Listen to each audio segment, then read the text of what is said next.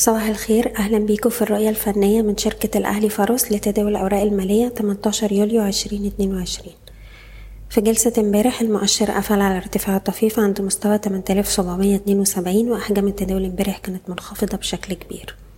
إحنا دلوقتي على مدار آخر أربع جلسات بنتحرك في رينج ضيق بأحجام تداول منخفضة. يعني نقدر نقول إن في فترة ثبات بعد نزول.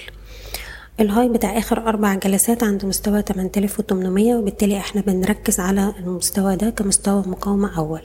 اختراق المستوى ده الاعلى في أي وقت هتبقى إشارة كويسة إن إحنا ممكن نشوف محاولات ارتداد وفي الحالة دي هنجرب على مستوى 9000 و 9260 وعلى المدى القريب أول مستوى دعم بنركز عليه هو مستوى 8600 اللي قدر المؤشر يتمسك عنده في النزلة الأخيرة.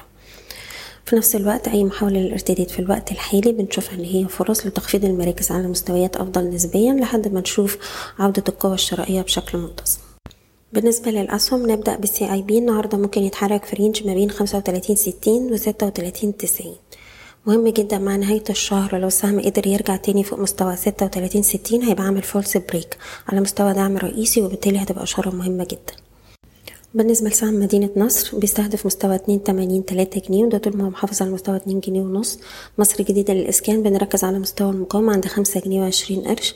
اختراق المستوى ده الأعلى يفتح الطريق لخمسة ستين والخمسة جنيه وتسعين قرش.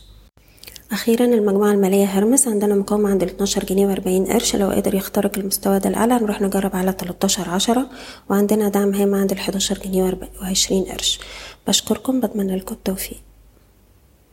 إيضاح الشركة غير مسؤولة عن أي قرارات استثمارية يتم اتخاذها بناء على هذا التسجيل. شكرا.